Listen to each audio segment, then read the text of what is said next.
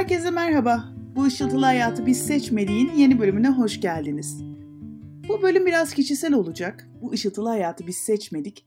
Aslında biraz kendi hayat hikayemden çıkarak aklıma gelmiş bir fikirdi. Hiçbirimiz kendi hayatımızı seçmeyiz. Hepimiz belki çok daha farklı yerlerde olmak isteriz ama e, bu hayatın içine doğdum ben.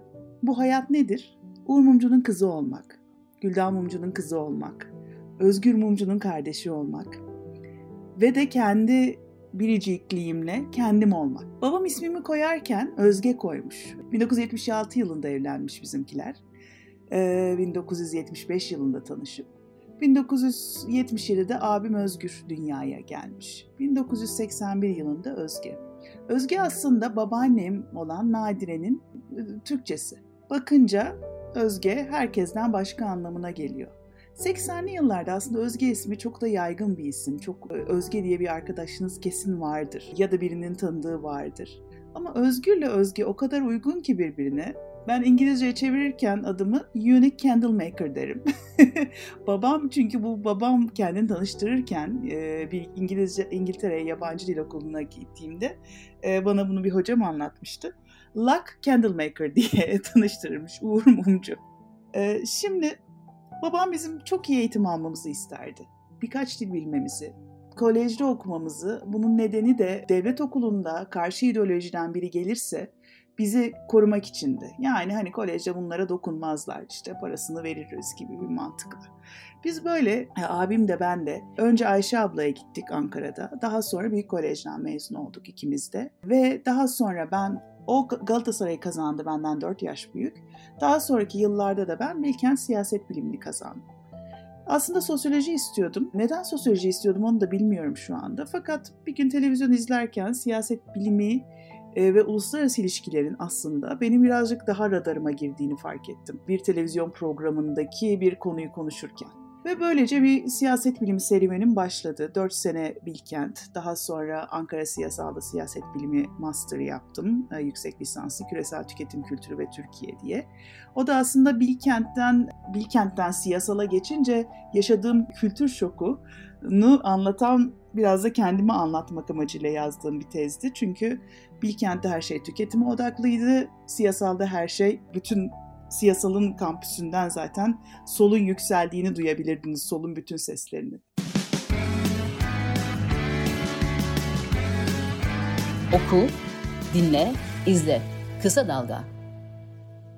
Daha sonraki aşamada e, biraz İstanbul'a baktım. Fakat e, yurt dışına gidecek finansal durumum yoktu. Durumumuz yoktu yani. Bir doktorayı da orada yapayım diye. ODTÜ'ye başvurdum siyaset bilimi. Yani bütün alanlarımı Ankara'da işte Bilkent Siyasal ODTÜ siyaset bilimi alanında eğitimimi doktoram çok uzun sürdü ama bunların nedeni de hem vakıfla ilgilenmem hem de aynı zamanda başka işlerde çalışmamdı. Bunları bir kenara koyalım. Benim kişisel hayatımda. Ee, bu arada doktora yaparken çocuk doğurmak çok akıllıca bir şey değil. Şimdiden hani böyle bir şey yapmış, düşünmüş ya da başından geçmiş olanlara da e, söylemiş olayım. Yavrucuğum tez yazarken büyüdü. Sonuçta Böyle bir ailenin içine doğdum. Ve iyi ki ben bu ailenin içine doğdum diyorum. Çünkü benim inanılmaz bir babam vardı.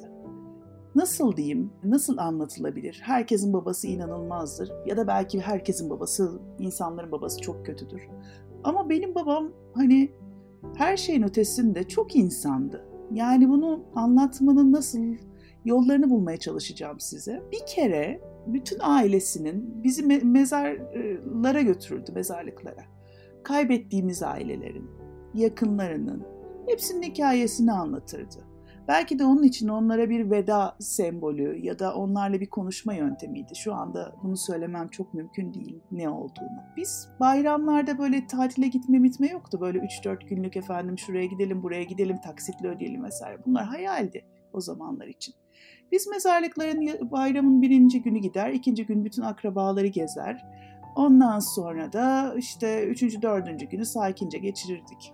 Genel olarak bayram tatillerimiz böyle geçerdi. Benim babamın babası, hiç tanımadığım dedem çok erken ölmüş Hakkı Şinasi Bey. Tapu kadastro müfettişi ve işine de çok sadık bir hani müfettişliğin getirdiği o titizlikle olan bir insan olduğunu biliyorum ve Ba- babaannem de acayip yemek yapan, e, bütün dört tane çocuğu olan, dört tane çocuğu büyüten bir kadın. Yani çok güçlü, kuvvetli hani e, hep derler ya Osmanlı kadınlarından. Fakat bir sorun var. Ben babaannemle hiç anlaşamazdım. 1987 yılında e, kendisi vefat etti. Allah rahmet eylesin tekrar. Nadire Mumcu hayatımın en ilk sertlik yaşadığım insanlarından bir tanesiydi. Çünkü o eski usul, biz yeni usul, kuşak çatışması. E ben çok küçüğüm ve şımarık bir kız çocuğuyum. Ve babam da beni şımartmayı çok seviyordu açıkçası. Şöyle akıştan devam edelim. Ee, bizim belirli rutinlerimiz vardı. Babam o rutinleri çok severdi. Mesela bir tanesi klasik müzik dinletmek. Bir tanesi klasik dünya klasiklerini toplayıp hani Milli Eğitim Bakanlığı o zaman basmıştı. Kütüphanelerimize onları koymak. Bunları okuyun çocuklar. Ben mesela Göte okuduğumda Genç Werther'in acılarını sanırım 9 yaşındaydım ve gerçekten anlamadığım için kendimden biraz şüphelenmeye başlamıştım. Ben nasıl bunu anlayamıyorum diye. Ve ciddi bir şekilde ben ıı, dünya klasiklerini herhalde yani 8, 9, 10, 11 Ondan sonra Anna Karenina'lara geçtim falan. Çok kısa yıl, yıllar içinde bitirdim. Çünkü babam bizim e, her türlü bilgimizin olmasını isterdi. Yabancı dilimizin olmasını isterdi. E, her türlü eğitim imkanına ulaşmamızı isterdi. Ve bunun için de yani kısıtlı maaşıyla bizi özel okullara gönderirdi. Pazarları balık günüydü. Bilmiyorum yani pazar günü balıkçıları vardı bir takım. Giderdi toplardı işte neyse ben e, kılçıklı balık sevmezdim falan. Ona göre balıkçıyla konuşur ona göre ayarlardı falan ayarlatırdı. Ondan sonra abim gitar çalardı. Ahmet Kaneci'den ders alırdı. Ben de müziğe eğilimim vardı o zamanlardan da. İşte ilk beste yapmışım bebekken. Hala var darı dülü darap darap diye hala anlatılır. Çocuğuma öğretmeye çalışıyorum şu anda. Ee, caz bestesi yapmışım ve one and only yani tek caz bestem. tek bestem ya da. O müzik şeyiyle önce orgalındı bana. Daha sonra bu kız böyle olmayacak bir piyano alalım dendi. Daha sonra da e, akraba, eş dost derken Kamran Gündemir'e ulaştı. Kamran Gündemir Fazıl Say'ın hayatında da aslında çok önemli yeri olan, Ahmet Say'ın çok yakın arkadaşı olan çok önemli bir e, öğretmendi ve ilk müzik e, derslerimi ondan aldım. Yani düşünsenize dünya dahisini yetiştirmiş bir insandan müzik dersi aldım ve hala onun öğrettiği şeyler bende şeyde durur. E, aklımda hala durur ve onun piyano çalarken ritme eşlik etmesi. Kerman amcayı da çok uzun yıllar önce kaybettik. Eşi Selçuk teyzeyi de birkaç sene önce kaybettik. Bizim ortak noktamız vardı başka. Bir de Ayvalık'ta o ortak noktamız. Şimdi böyle mutlu. Annemden bu arada hiç bahsetmedim çünkü sonra bahsedeceğim. Kendi içinde iyi dinamikleri olan, abi kardeş çatışması da olan tabii ki her aile gibi. Ama bütün evleri böyle zannediyordum ve çok şaşırıyordum haftanın dört günü bizim evde yemek var. Yani yemeğe gelenler de hani hiç normal insanlar değillermiş sonra baktığımda. Bir gün size çocuk aklımla bana çok büyük gelen bir şey söyleyeyim. İşte TRT'de Müjdar filmleri gösteriliyor. Müjdar bizim eve geldi.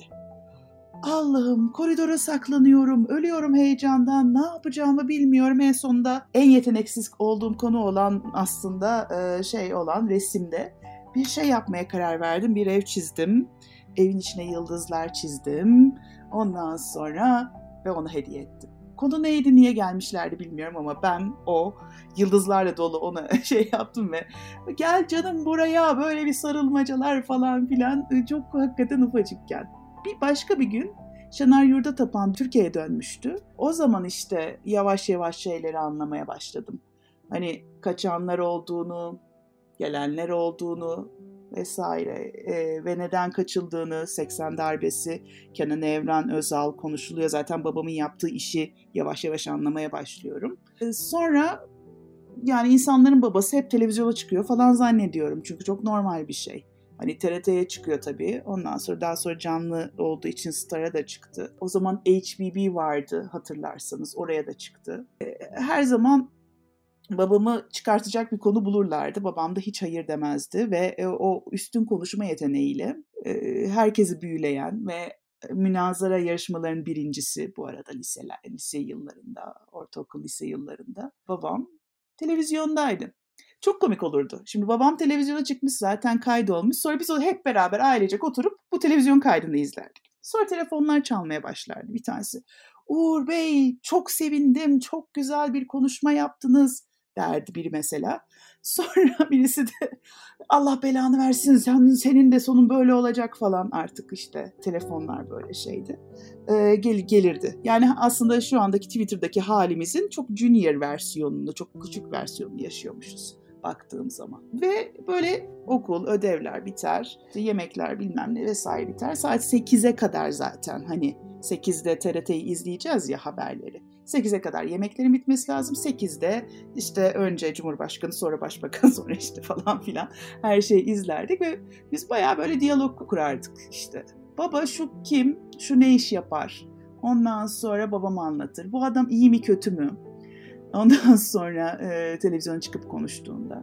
Daha sonra şöyle e, diyaloglar şuna evrilirdi. Baba genel sekreter partide ne yapacak, ne, ne yapar falan. Babam anlatır işte şey mesela işte e, Baykal'la İnönü zamanı vardır. Baykal genel sekreter olmuştur. Ondan sonra genel sekreterin görevi nedir? Siyaset bilimci olacağım belliymiş aslında 7-8 yaşlarındayken. Babam bunu anlatır falan. Ondan sonra işte Hatta şöyle bir şey vardır Baykal bizim eve geldiğinde böyle garson falan bir toplantı. Oturttu beni kucağına. Ya şey 8 yaşındayım. Sohbet ediyoruz. Ay yavrum nasılsın? Ay sen de ne kadar minnoşmuşsun falan olur ya öyle şeyler. E dedi büyüyünce ne olacaksın? İnsan itfaiyeci olacağım der. Onu der, bunu der. Ben dedim yüzüne bakıp genel sekreter dedim. Hala hatırlıyorum. Sonra yıllar sonra bana hatırlattı. Hafızası çok kuvvetli bir adamdır. Özge sen şu bordo koltukta oturup bana genel sekreter olaca- olacağım demiştin. Ondan sonra sen niye işte partiye gelmiyorsun da şey yapmıyorsun da işte gençlik kollarına gelmiyorsun. Ben de efendim demiştim. Hani ben siyaset biliminin bilim kısmını çok seviyorum, teori kısmını çok seviyorum. İşin e, şey örgüt kısmın için hani yani düşünmüyorum deyince bana kızdı. iki yılda çok da konuştuğunu söyleyemem. Sonraki yıllarda. Neyse bu ayrı konu. Bunlar işin tatlı kısımları. Şimdi gelelim biraz e, sıkıntılı kısmına. Geçtiğimiz günlerde Çankaya Belediyesi bir ödül verdi. Zülfü Livaneli ile e, Yorgo Papandra'ya barış ödülü verdi. Türk-Yunan barışındaki e, verdikleri katkılardan dolayı. E, Papandreou ismini tabii ki İsmail Cem'den hani çok e, iyi hatırlarsınız. E, yani Yunanistan siyasetini biraz biliyorsanız Papandreou evet PASOK'la kaybetti ama şu anda Sosyalist Enternasyonel'in başında. Zülfü Livaneli'yi bilmeyen yoktur zaten Türkiye'de. Şöyle bir şey oldu. E, konser bitimine doğru bir ödül töreninden sonra canlı yayınlanmış zaten. Ödül töreninden sonra bir konser oldu. Bu ikinci kez aslında senfonik olarak dinleyişimdi. Ve o senfonik olarak dinleyişimde solistler inanılmaz iyi bu arada orkestrasyon Rengin Gökmen'in e, orkestrasyonunda çok iyi gidiyor. Bana bir şeyler oluyor. Yani her seferinde yani benim kendimi aslında 29 yıl sonra kendim bulduğum noktada artık hani insan ağlamaz ya hani artık geçmiş, her şey bitmiş. Bir sürü şey sönümlenmiş, hayat yeni yeni yollar açmış. Kendimi şurada buluyorum. Bulduğumu fark ettim. Evin önündeyiz. Bomba patlamış zaten olan olmuş. Bir çukur açılmış e, arabanın olduğu yerde. Arabayı götürmüşler. Ondan sonra o çukurun olduğu yere karanfiller dolmaya başlamış. Çiçekler, çiçekler, çiçekler, yığınlar, notlar. Geceleri e, biraz sakinleştiği zaman insanlar üstüme de çok gelmesin diye. Çünkü çok ufağım 11 yaşındayım. Dışarı çıkardık. İşte Mihri teyzemiz vardır. O e, meşale yakarlardı her gece meşale yaktılar. Kaç gece bilmiyorum. Bir ışığını biz tutacağız diye insanlar. Ve o meşalecilerin yanına şemale derdi onlara. Ben şemalecilere derdi şey götüreceğim, çay götüreceğim. Çay demlenirdi saat 11'de. Ondan sonra zaten ev dolup dolup dolup taşıyor. İşte gelen giden kimdir artık bilemiyorum o kadar kalabalık. Ondan sonra şemacılerin, meşalecilerin yanına giderdik biz. Bir karlı kayın ormanı söylenirdi. Bir yiğidim aslanım söylenirdi. Ben o güne gidiyorum. O şarkı o şekilde şey yapıldığı zaman ve ağlamama engel olamıyorum yani. O 11 yaşındaki o kız çocuk halime gidiyorum. Ve de sonrasına gidiyorum. Sonra bize neler yaşattılar. neler oldu. Onlara gidiyorum. İnanın şimdi dönüp baktığım zaman 40, 40 yaşındayım. 29 sene geçmiş. Şey çok anlamsız geliyor, çok değişik geliyor. Yani e, Şubat tatilinin başladığı işte Cuma günü biz işte babam bize hediyeler almış, şey almış. Ondan sonra pazar günü bomba patlamış. 10 gün geçmiş. Yani 14 gündür Şubat tatili. Biz pazartesi okula başlamışız. Ben direndim başlamayacağım diye. Ondan sonra annem beni zar zor ikna etti falan. Bir de annem hangisiyle uğraşsın? Hani cenazeyle mi? iki tane ergen çocukla mı? Ve bir e, şey süreciyle mi? Dava süreciyle mi? Okula gittim. Herkesin bakışı değişmişti. Yani böyle bir anlamlandıramamak, biraz acımak. Ben, yani ne yapacağım, nereye saklanacağım bilmiyordum yani o kadar çok duygu yükü, çok fazla olan şey. Sonraki yıllar devam etti. Yani e, ben işte o hafta neyse e, İng- İngilizcem iyiydi. Yani genel olarak ben hani teşekkür takdir öğrencisiydim zaten. Ve yani bu süreçte ben nasıl o teşekkürleri, takdirleri, o notları aldım? Evde bir cinayet soruşturması giderken nasıl eğitimimi tamamladım? Bunların hepsi şu anda dönüp baktığım zaman bana soru işareti gibi geliyor. Çünkü hani hayatın normal akan bir kısmı var ya. Yani devam etmemiz gereken. Çünkü hayat devam ediyor.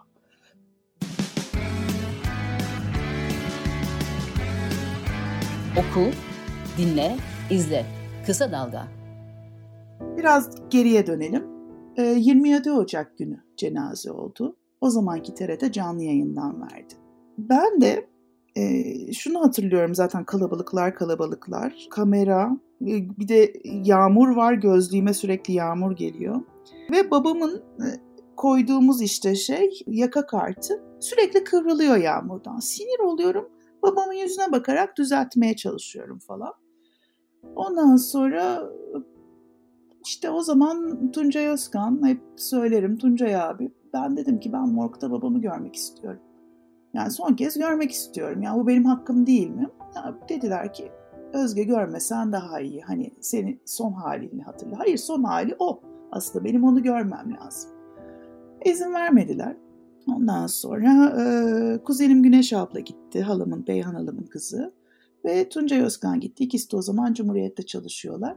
Böyle cenaze arabası, bizi polis arabasına koydular cenaze şeyinde. Ondan sonra yanımızda da Tuncay abi koşuyor arabayla beraber. Onun o heyecanlı, telaşlı haliyle. Tuncay abi dedim nasıldı? Nasıldı dedim. Merak etme Özge. Gülüyordu dedi. Gülümsüyordu. Tamam dedim. Çünkü o acıyı çektiğini bilmek, onu hissetmek o kadar zor bir şeydi ki benim için. Yine ileri saracağım. Ben o şarkıda Yiğidim Aslanım'da hep oraya gidiyorum.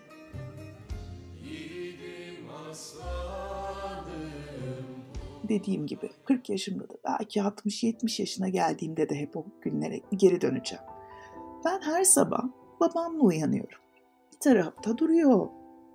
Hep aklımda. Her gün. Çok yakınını kaybeden insanlar bilirler. Onunla konuşursunuz zaman içinde, sıkıştığınız zamanlarda çağırırsınız onu yanınıza, düşüncenize. Ben çok çağırdım, çok konuştum. Ya hep yanımda gibiydi bir yandan da. Daha sonra e, bizim ailenin büyük e, çabasıyla rahmetli Beyhan halamı özellikle anmak istiyorum. Bize o kadar iyi kol kanat gerdi ki çünkü ailenin en büyüğü oydu. Onu yani hakkını hiç kimse ödeyemez. Beyhan Alam, annem uğraştılar. Bu dava açılsın diye uğraştılar. Bu dava kapansın diye uğraşıldıkça karşı taraftan artık o karşı taraf kimse annem uğraştı, aile uğraştı. Ve mecliste bir Uğur Mumcu Araştırma Komisyonu oluşturuldu süreç içinde.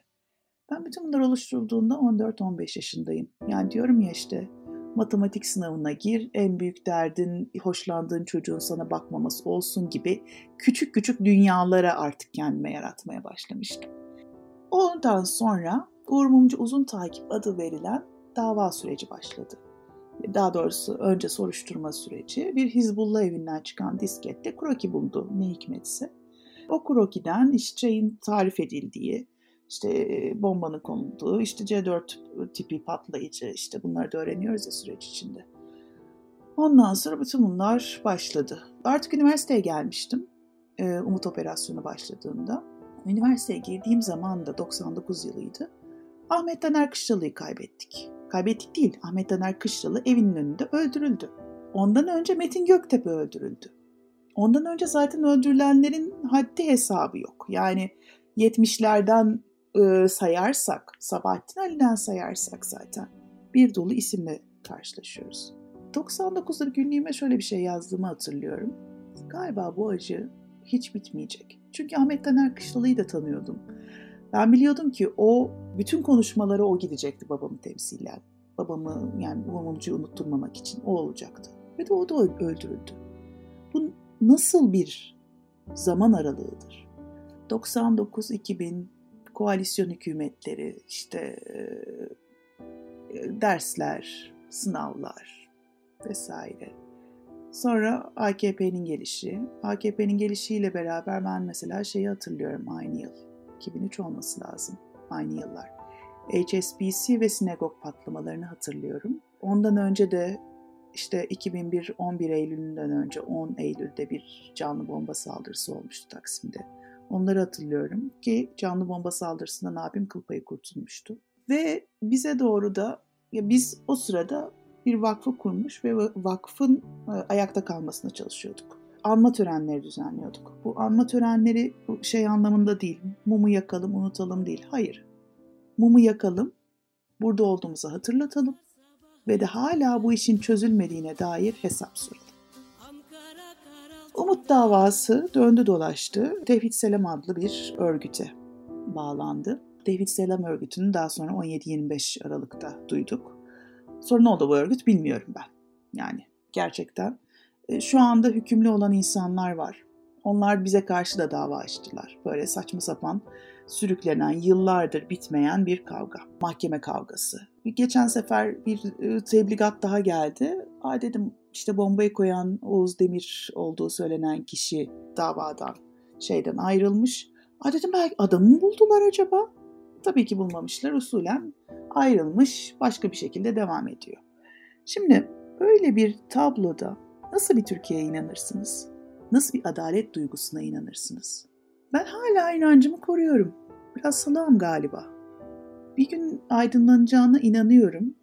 Bir gün belki aralarındaki bir kavgadan, hani yazın gördük ya Sedat Peker açıklamalar yaptı falan. Orada da şöyle bir çaresizliğin içine düştük. Çaresizlik demeyeceğim buna, çıkışsızlık da, kelimesi daha doğru. Sedat Peker evet Mehmet Ağar'a attı topu. Fakat zaman aşımı denilen bir şey var. Biz yeniden tekrar bir mafya liderinin söylediklerinden bir davayı açamayız. Ama Sedat Peker çok güzel reyting kazandı bunda. Ve bizim acaba dedim bütün her şey bir uyuşturucu kavgası mıydı? Bu kadar basit miydi? Bütün bunları sorgulattı. Tekrar tekrar tekrar tekrar. Şimdi devam edeceğimiz zaman yine bir 24 Ocak. Yine evin önünde bir anma olacak. Yıllardır gerçekten insanlar, yıllar boyunca kaybettiğimiz çok insanı oldu gelip. Bütün sevgilerini, bütün gözyaşlarını bize akıtıyorlar. Hiç, hiç değilse her gün sosyal medyadan ben mesaj alıyorum. Ben küfürler de alıyoruz tabii. Yani o küfürler işte bahsettim ya ilk te- telefonlar gibi. O küfürler de bunun devamı aslında. Çünkü her siyasi davada maalesef ki öldüren taraf var. Ve o öldüren taraf aslında sizin de bu sesi tekrar var etmenizi istemiyor. Biz vakıfta bunu var etmeye çalışıyoruz. Babamın sesini tekrar var etmeye, tekrar güçlendirmeye, unutturmamaya ve de kendini araştırmaya adamış bir insanın hayatının aslında unutulmaması gerektiğine inanıyoruz. Bundan 10 küsür sene önce Türkiye'deki bütün aileler toplumsal bellek platformu adı altında bir araya geldik. Tesadüfler zinciri birbirini kovaladı. Biz vakıftan Orhan Tüleyloğlu ile Neden Öldürdüler diye bir kitap çıkartmıştık. Bütün bu e, babamın yazdığı faili meçhul cinayetler üzerinden çıkarak. Ve 28 aile bir araya geldik. Yani bunların içinde işte Filiz Ali de var, e, Dink ailesi de var. Yani böyle bir e, skalada. Ve aslında ideolojik olarak birbirimizden farklı noktalara düşsek bile e, ne kadar kardeş olduğumuzu anladık bazı alanlarda. Bazı alanlar derken adaletsizlik, hukuksuzluk, yalnız bırakılma ve unutturma çabası. Ve bunlar için e, meclise gittik, oraya gittik, buraya gittik, elimizden gelen bütün yolları denedik. Tabii ki bir Ergenekon dönemiydi. Biz Ergenekon için kullanılabilirler mi diye bir uğraştılar bence. E, ben öyle e, düşünüyorum şu anda. Kullanılmayacağımızı anlayınca da farklı yöntemler denediler. Sosyal medya üzerinden deli gibi saldırmalar, herhalde ilk trollerle baş eden bizlerizdir yani. Daha sonra işte 17-25'ten sonra bizim davamıza sahip çıkmadınız, biz Tevhid Selam'ı babamızın cena şeyini, cinayetini araştırıyoruz diyen cemaatçiler çıktı ortaya. Daha sonra böyle yani Türkiye'nin her dönümünde, her kırılmasında biz aslında biraz dik durdukça ve biraz bu hani kırılmalara doğru kendimizi evirmedikçe kullanışlı e, soyadlar olmadık. Bu da bir açıdan hayatımızın devamı için bir onur vesikası oldu. Ben öyle görüyorum. Evet şurada yazmış olabiliriz, burada yazmış olabiliriz, cumhuriyet içinde kendi kavgalar olabilir vesaire vesaire. Bunlar gündelik hayat içinde akışı ıı, farklı olan bir şeylerdir. Ama biz en azından hani mumcu ailesi olarak vakıfı kurduk. Annem, abim ben. Vakıf işletmesini ben öğrendim siyaset bilimciliğin yanında. Yayıncılığı öğrendim seminerler nasıl olur onu öğrendim. Ve şu anda kendim başka bir iş olan siyasal danışmanlık, siyasi danışmanlık yapıyorum. Ee, ve bütün bunların yanında da her gün, her sabah babamla uyanıyorum. Her akşam onu düşünerek uyuyorum. Keşke burada olsaydı diyorum her gün. Ve yani bilmiyorum memleketin geldiği bu kadar yazdı çizdi. Bütün ilişkiler ağları ortaya çıktı. 30 sene sonra söyledikleri hala hala hala doğru. Çünkü temelleri ortaya çıkarttı. O yüzden hayatta olsaydı evet bunu söylediğim zaman insanlar çok kızıyor. Çok büyük bir hayal kırıklığı yaşayabilir. Ve yavaş yavaş bu podcastimin sonuna gelirken biraz duygusal bir podcast oldu farkındayım. Şöyle şeyler düşünüyorum. Babamın neredeyse her ilde bir parkı var babamın adına. Kendisine benzemese de bir sürü heykel yapıldı. Kendisi için şarkılar, ağıtlar yakıldı. Ve aslında o yaşıyor herkesin belleğinde. Belki yaşamak e, insan ömrü kısa yani. 102 yaşında da ölebilirsiniz, hiçbir şey yapmayabilirsiniz hayatta. 51 yaşında öldürülüp bir Türkiye'nin hafızasına da kazanabilirsiniz. Bu iyi bir bakış açısı mı bilmiyorum. Fakat en azından benim için bir avunma diyorum. Çünkü şu anda 90'lı yıllarda doğan çocuklar, 93 yılında yaşadık biz bunu. 90'lı yıllarda, 2000'lerde, 2010'larda doğan çocuklar en azından Uğur Mumcu Parkı'nı biliyorlar. En azından İlhan Erdos Parkı'nı biliyorlar. En azından Sivas'ta öldürülenleri biliyorlar. Çünkü bu toplumun iki tane belleği var. Bir tanesi tarihsel akın, e, çizgiler. 12 Martlar, 12 Eylüller, 28 Şubatlar, e, darbeler, siyasi kırılmalar, işte siyasi tartışmalar. Fakat bir derin bellek var. Öldürülenler, deniz gezmiş var. Eren var asılan. Ve bunlar hiç unutulmuyor. Ranting var, Vurmumcu var, Metin Göktepe var, Metin Altıok var, Behçet Aysan var, Nesim İçimen var, İlhan Erdost var, daha sayamadığım Onat Kutlar var. O kadar çok insan var ki. O yüzden bence Türkiye hakkında inceleme yapmak isteyen varsa ve bu podcast'i dinlemek isteyen varsa dönüp bakıp o insanların çalışmalarına, yaptıklarına, Türkiye için söylediklerine baksın. Ben bugün bu podcast'i e, yapmayı düşünürken aslında biraz acı çektim. Nereden başlayayım, nasıl anlatayım diye. Size biraz komik hikayeleri anlatayım madem. Ee, sıkıntılı bir dönemimde bir çok çok yakın bir arkadaşım Zeynep, babamın çok yakın arkadaşının e, kızı. Alanı e, ya akademisyen, Finlandiya'da yaşıyor. Çocukları var. İşte Finlandiya'nın şu anda hatırlayamadığım bir mahallesindeler. Ben de yanına gittim. Hani birazcık dertleşmek, biraz mekan değişikliği vesaire iyi gelir diye. Taksiye bindim. Evine gitmek için. Çünkü hava eksi 10. Otobüsü kaçırmışım Ondan sonra hay dedim yani neyse ertesi gün bir şeyden hallederim ben bu taksi parasını öderim. Bindim Filistinli bir taksici. Yani hani böyle bir İngilizce konuşunca nerelisin? Hani sen de biraz siyahsın hani filmler sarışın olduğu için. Ya dedim Türk'üm dedim. Aa dedi ben de dedi, dedi cable'dan dedi kablolu yayınlardan dedi çok Türk kanalı izliyorum dedi. Aa, ne izliyorsunuz dedim. Ondan sonra ya dedi şu Muhteşem Süleyman'ı izliyorum dedi. Ondan sonra biraz da eleştirim var dedi. İslam bize dört tane e, kadın verdi dedi. Orada bir harem var dedi. Nasıl oluyor bu iş falan. Osmanlı zamanı öyleydi falan diye böyle hani geçiştirmeye çalışıyorum. Bir de Kurtlar Vadisi'ni izliyorum dedi. Eee dedim. Ondan sonra ya geçen bölüm inanır mısınız dedi. Sokağın ortasında dedi gazeteci öldürdüler dedi. Türkiye'de böyle bir şey olabilir mi? Oluyor mu Türkiye'de böyle bir şeyler dedi. Şimdi ben takside arka koltukta şöyle bir sırtımı böyle bir eğdim neler neler yapıyorlar daha bilsen. Gerçekten mi? Türkiye böyle bir yer mi? Ama biz böyle olduğunu bilmiyorduk bakın falan. Eve gelince anlattım ya bir insan Finlandiya'da bir taksiye binip Filistinli taksi şoförünün Kurtlar Vadisi izlediği bölümden bunu çıkarım ve bana sorması bu ne, nasıl bir tesadüf olabilir? Ve ben bu tesadüfleri çok yaşıyorum. Onun için ayrı bir şey e, diyelim e, kara dram, e, dramatik e, ama trajikomik bir bölüm yapabilirim sadece bütün bunlar için.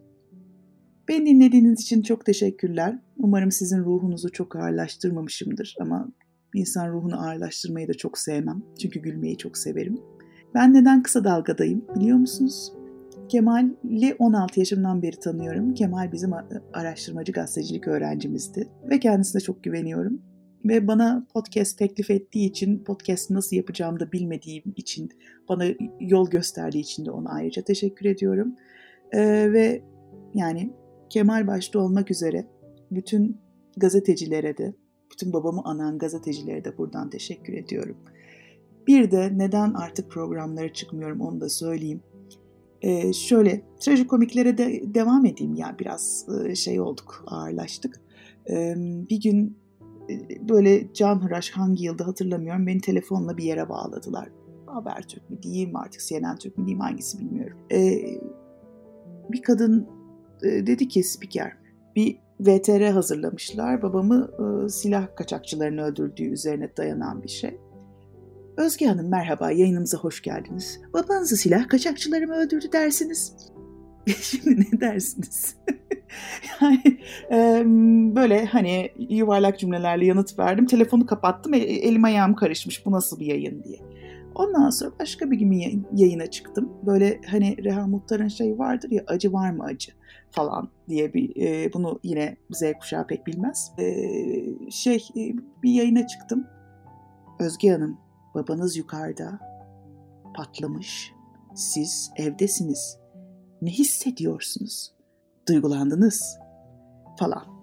Şimdi bütün bunlar e, bizim televizyonumuzun e, bu şey hali ne diyeyim trajik hali benim açımdan bu rating hali artık e, e, çekilmez hale geldi. O yüzden kendime biraz bu şekilde ifade etmek istedim.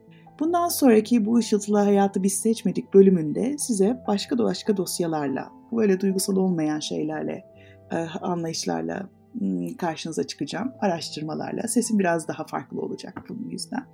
Ve babamın sözleriyle buraya son vereceğim. Ve 24 Ocak günü hepimiz yine başka yerlerde olacağız. Bunu dinleyenler belki kim bilir hangi ülkeden dinleyecek. Bütün kaybettikleriniz için, Uğur Mumcu için, Hrant Dink için, Tahir Elçi için, Metin Göktepe için, Onat Kutlar için, aklınıza gelen bütün aydınlarımız için bir mum yakın ve dönüp yakın tarihimizin o gizli derin kalmış yerine bakın, yazdıklarını okuyun. Çok teşekkür ediyorum. Bir başka bölümde görüşmek üzere. İnsandan şüphelenmemek gerekir önce. Memleketin yazarı, çizeri, aydını niçin bu memleketi bir kıyama sürüklesin? Niçin?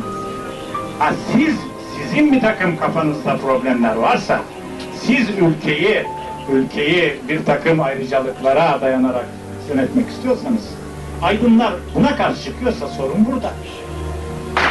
İnsanlar, insanlar niçin hapis yatar?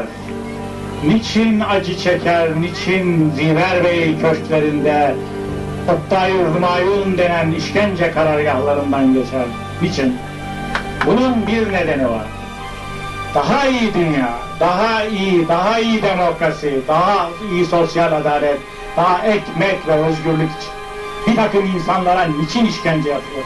Bir takım insanlar 5 yıldan 15 yıla kadar niçin hapsedilirler? İşte bugünkü düzen gibi bir düzen sürsün diye. Niçin? Çünkü bu düzen korkuya, yılgınlığa ve sömürüye dayanıyor. Ben işkencenin olmadığı, düşünce suçunun olmadığı, herkesin silahsız saldırısız, eşitçe ve özgürce tartıştığı, Dinci Parti'yi de Marksist Parti'nin kurulduğu bir düzen istiyorum. Ancak o zaman ki televizyon bütün düşünceler açıklanır, o zaman Atatürkçülük maskesi takmış Abdülhamitçilerle daha iyi mücadele edebiliriz. O zaman, o zaman, o zaman rabıta örgütünden devlete maaş bağlatan insanların maskelerini televizyonda halkın önünde yetme olanağı bulabiliriz. Ama bugün, bugün ne oluyor? Bugün arkadaşlar CIA milliyetçiliğine bir takım ideolojik kılıflar büründürerek muhafazakarlık, milliyetçilik, Atatürk inkılapçılığı diye ortaya sürüyorlar. Atatürkçü diyen, kendisine Atatürkçüyüm diyen insan madde bir, emperyalizme ve kapitalizme karşı koyar. Madde iki, madde iki, uşak olmaz, uşak. Ne Amerika'ya, ne Sovyetlere, ne Çin'e, ne Avrupa'ya. Uşak olmaz, uşak. Madde 3, Kuvayi Milliye ruhuna sahip olur. Emperyalizme ve kapitalizme karşı halkı örgütler. Atatürk devrimleri için inkılap demez, devrim der, devrim.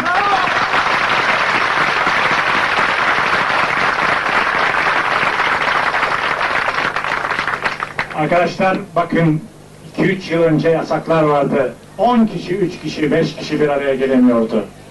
Bugün Dikili'de bir aradayız. Yarın bir başka alanda, öbür gün bir başka alanda, daha başka gün Ankara'da Tandoğan alanında, İstanbul'da Taksim alanında. 1 Mayıs'ı da kutlayacağız, 23 Nisan'ı da, 19 Mayıs'ı da, 29 Ekim'de. Kısa Dalga podcastleri Demet Bilge Erkasab'ın editörlüğünde Mehmet Özgür Candan'ın post prodüksiyonu ve Esra Baydemir'in hazırladığı görseller ile yayınlanıyor.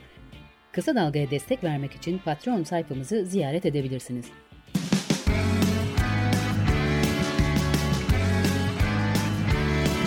Kulağınız bizde olsun. Kısa Dalga Podcast.